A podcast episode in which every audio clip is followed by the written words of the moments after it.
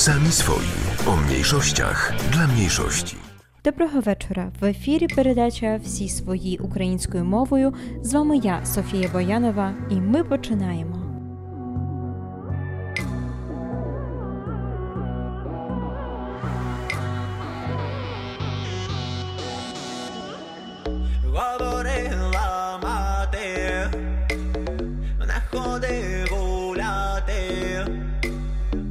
Тікала з хати, як поляже спати,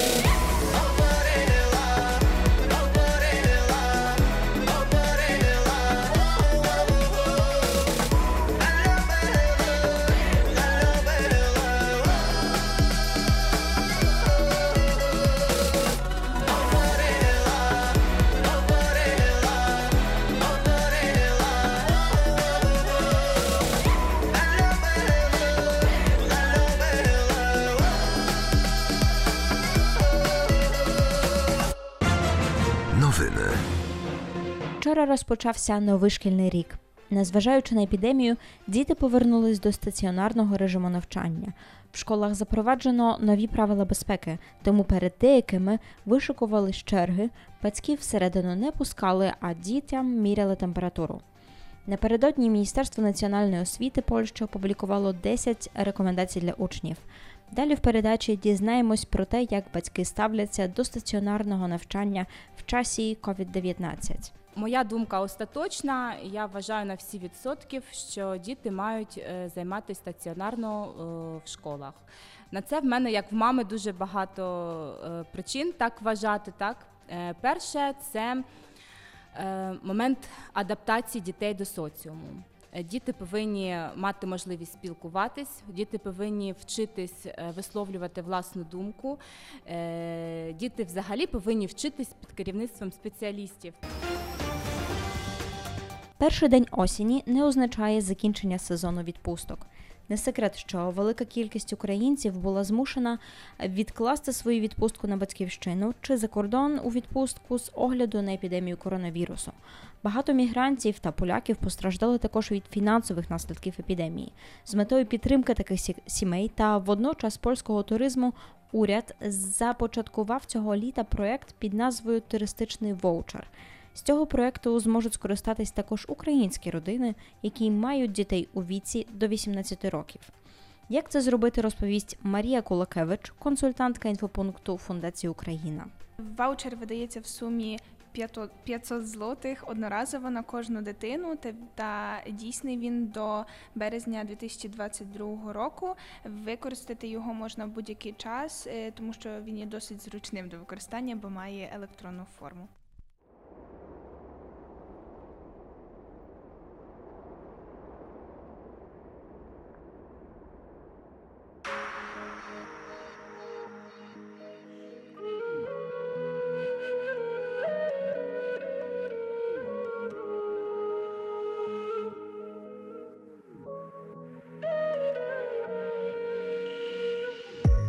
За мною гори, яке там горе, закриті штори, там не годять мотори. За мною гори, яке там горе, закриті штори, там не годять мотори. За мною гори,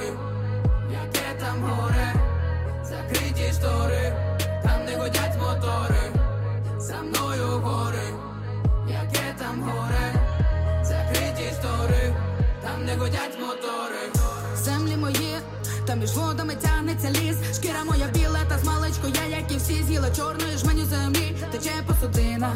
Я просто людина.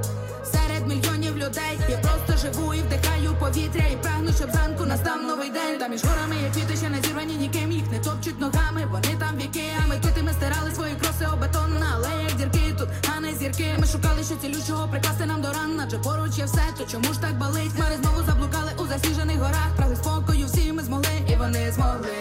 За мною гори, яке там горе, закриті штори, там не годять мотори.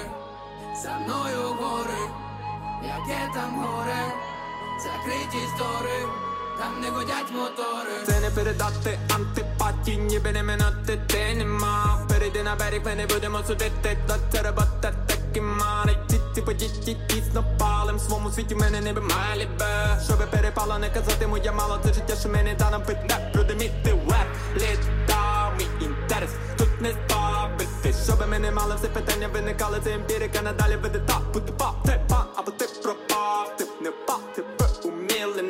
Скільки було калу, нові шишки набивали, далі ми не впадемо, адже ми за горами. Музика не та, ми літали там, ге не там, манекени там, музика, гей, музика не та, ми літали там, ге не дами там, манекени там, музика, музика не та, ми літали там, ге не дами там, манекени там, музика, гей, музика не та, ми літали там, ге не дами там, манекени там,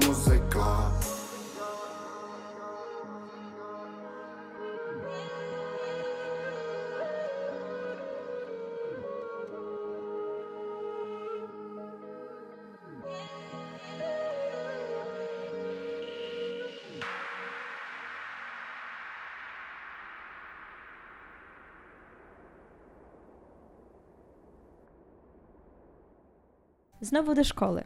Напередодні Дня знань Міністерство національної освіти Польщі опублікувало 10 рекомендацій для учнів щодо поведінки в школі під час пандемії.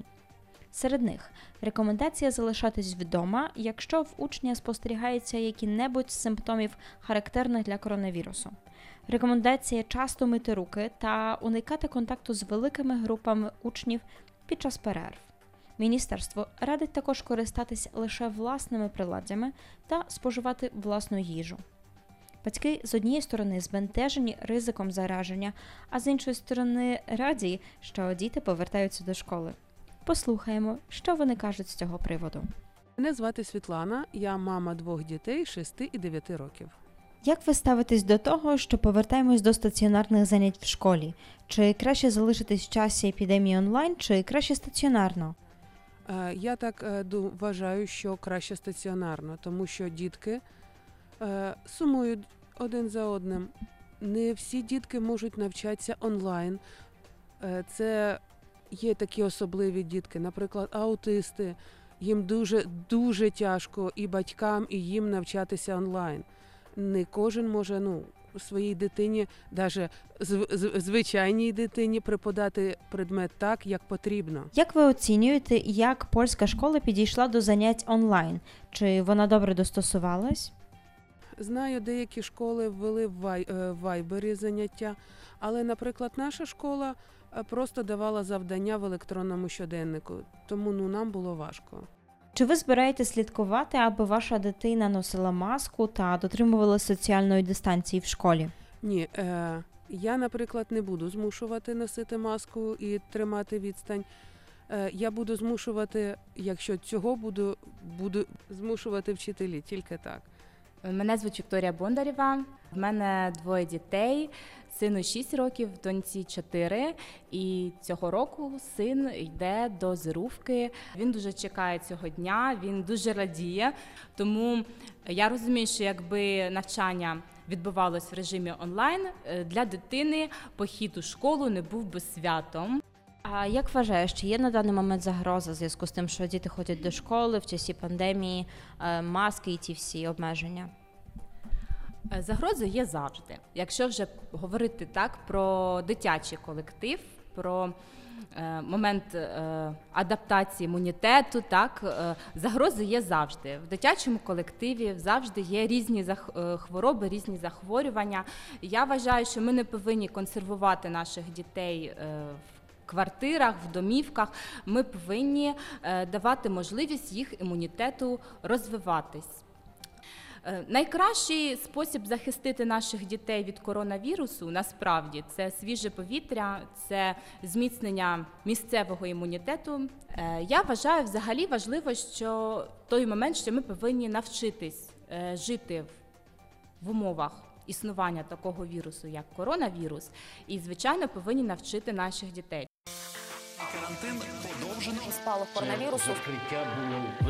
ситуації з коронавірусом. COVID-19. Залишайтесь серед вдома. П'яні від висоти океани,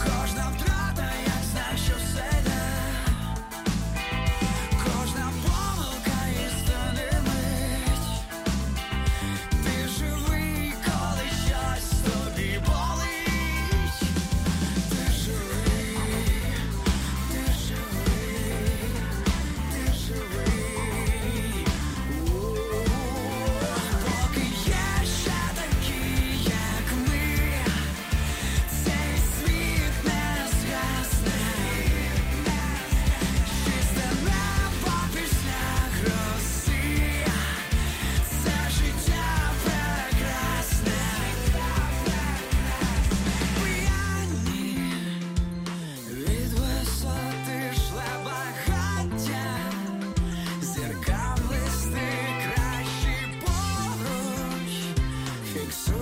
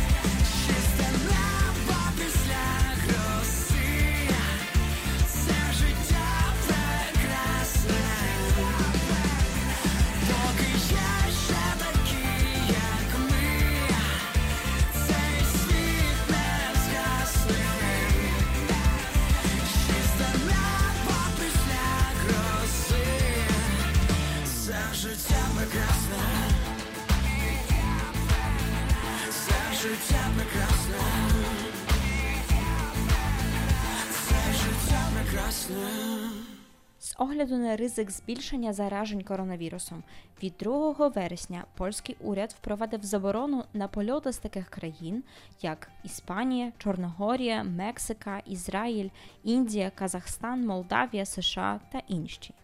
Повний список містить 44 країни. України серед них немає. А для тих, хто ще не встиг відпочити влітку, є добра новина. Під час зимових канікул можна буде також скористатись з туристичного воучера, який був запроваджений польським урядом в підтримку туризму та родин з дітьми. Детальніше про нього розповість Марія Кулакевич. Доброго дня. Мене звати Марія Кулакевич. Я є працівником інфопункту в Фундації Україна. Розкажіть нам детальніше про туристичний ваучер. Що це таке і для кого він? Туристичний ваучер це нова форма фінансової підтримки для сімей в Польщі, які мають мінімум одну дитину до 18 років. Чи з цього ваучера можуть скористатись також мігранти, українці в Польщі? Так, важливо, щоб вони або мали обивательство, або мали громадянство вже, або ж мали мінімум е, дозвіл на тимчасове е, проживання на території Польщі, на тимчасове також стале. Е, Ваучер видається в сумі 500 500 злотих одноразово на кожну дитину, та, дійсний він до березня 2022 року. Ним можна скористатися в готелях, в туристичних якихось виїздах, а також в спортивних таборах чи таборах відпочинку. Іноземці можуть е, його оформити, зареєструвавшись на е, платформі електронних послуг Поезус. І на завершення передачі Культурні новини. 12, 19 та 26 вересня від години 15 до 19 відбудуться міжкультурні мистецькі зустрічі, які проводить Людмила Безуско у співпраці з мікрогрантами. Я Людмила Безуско. Е, Я автор лялік, таких незвиклих текстильних. Це буде е, такий цикл майстер-класів, який називається Ляльки і байки, який буде проходити у Вроцлаві е, в предпокою 13, е, що знаходиться за адресою вулиця Герцена, 13, на який я запрошую всіх бажаючих будь-якого віку, з дітками або без. Е, Але така, така умова, що якщо ви приходите з дітками, то дітки зостаються під вашою опікою. На цих спотканнях ми будемо робити народні ляльки. На першому спотканні буде лялька-мотанка, на другому коник, а на третьому пташок. Е, На ці споткання я запрошую різних людей різних національностей. Нам буде дуже цікаво порозмовляти разом про те, які у них були ляльки в їх дитинстві, або які у них ляльки національні. Це буде зустріч, зустріч присвячена обміну досвідом. Майстер-класи будуть безкоштовні. На них можна записатися за мейлем, який можна знайти на Фейсбуку, вписавши ляльки і байки. Після карантинної перерви до кінотеатру ДЦФ у Вроцлаві повертається також цикл Кіно Україна. 5 вересня о 18.15 у партнерстві з кінофестивалем Millennium's Dogs Against Gravity відбудеться показ фільму Земля блакитна, немов апельсин. Організатори запрошують також на зустріч після кінопоказу під назвою Мистецтво крізь війну, де Анна Урсуленко та Мартін Гачковський обговорять силу мистецтва та образ війни в повісті Довгі часи Володимира Рафаєнка. І на цій ноті ми закінчуємо нашу передачу. Зустрінемось в наступному тижні. Бажаю доброго вечора і до зустрічі в наступну середу. З вами була Софія Боянова. Добраніч. Ми сам на сам серед усіх разом світло. Поміж чужих на глибині фрази стрімко, не треба слів, та не тримай своє тіло. Не розумів, зачарувала мене ніжно. Давай зробим все без порожніх слів, без пустих обіцянок і без понтів. Зачекай, просто не спіши. Зачекай. Просто помовчи. Твого тіла вже давно розказала мені все, що так хотів. Мова твого тіла вже давно розказала мені. І більше не треба слів. Добре знаю, лише з тобою відчуваю, коли з тобою. Добре знаю, лише з тобою відчуваю, коли з тобою хочу розгадати всі твої секрети.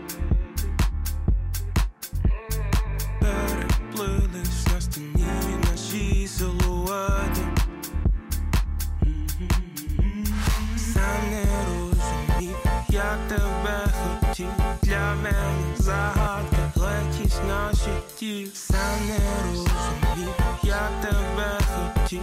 Для мене загадка, легкість наших тіл Мова твого тіла вже давно розказала мені все, що так хотів, мова твого тіла вже давно розказала мені. І більше не треба слів. Добре знаю, відчуваю, коли з тобою. Добре знаю, лише з тобою відчуваю, коли з тобою.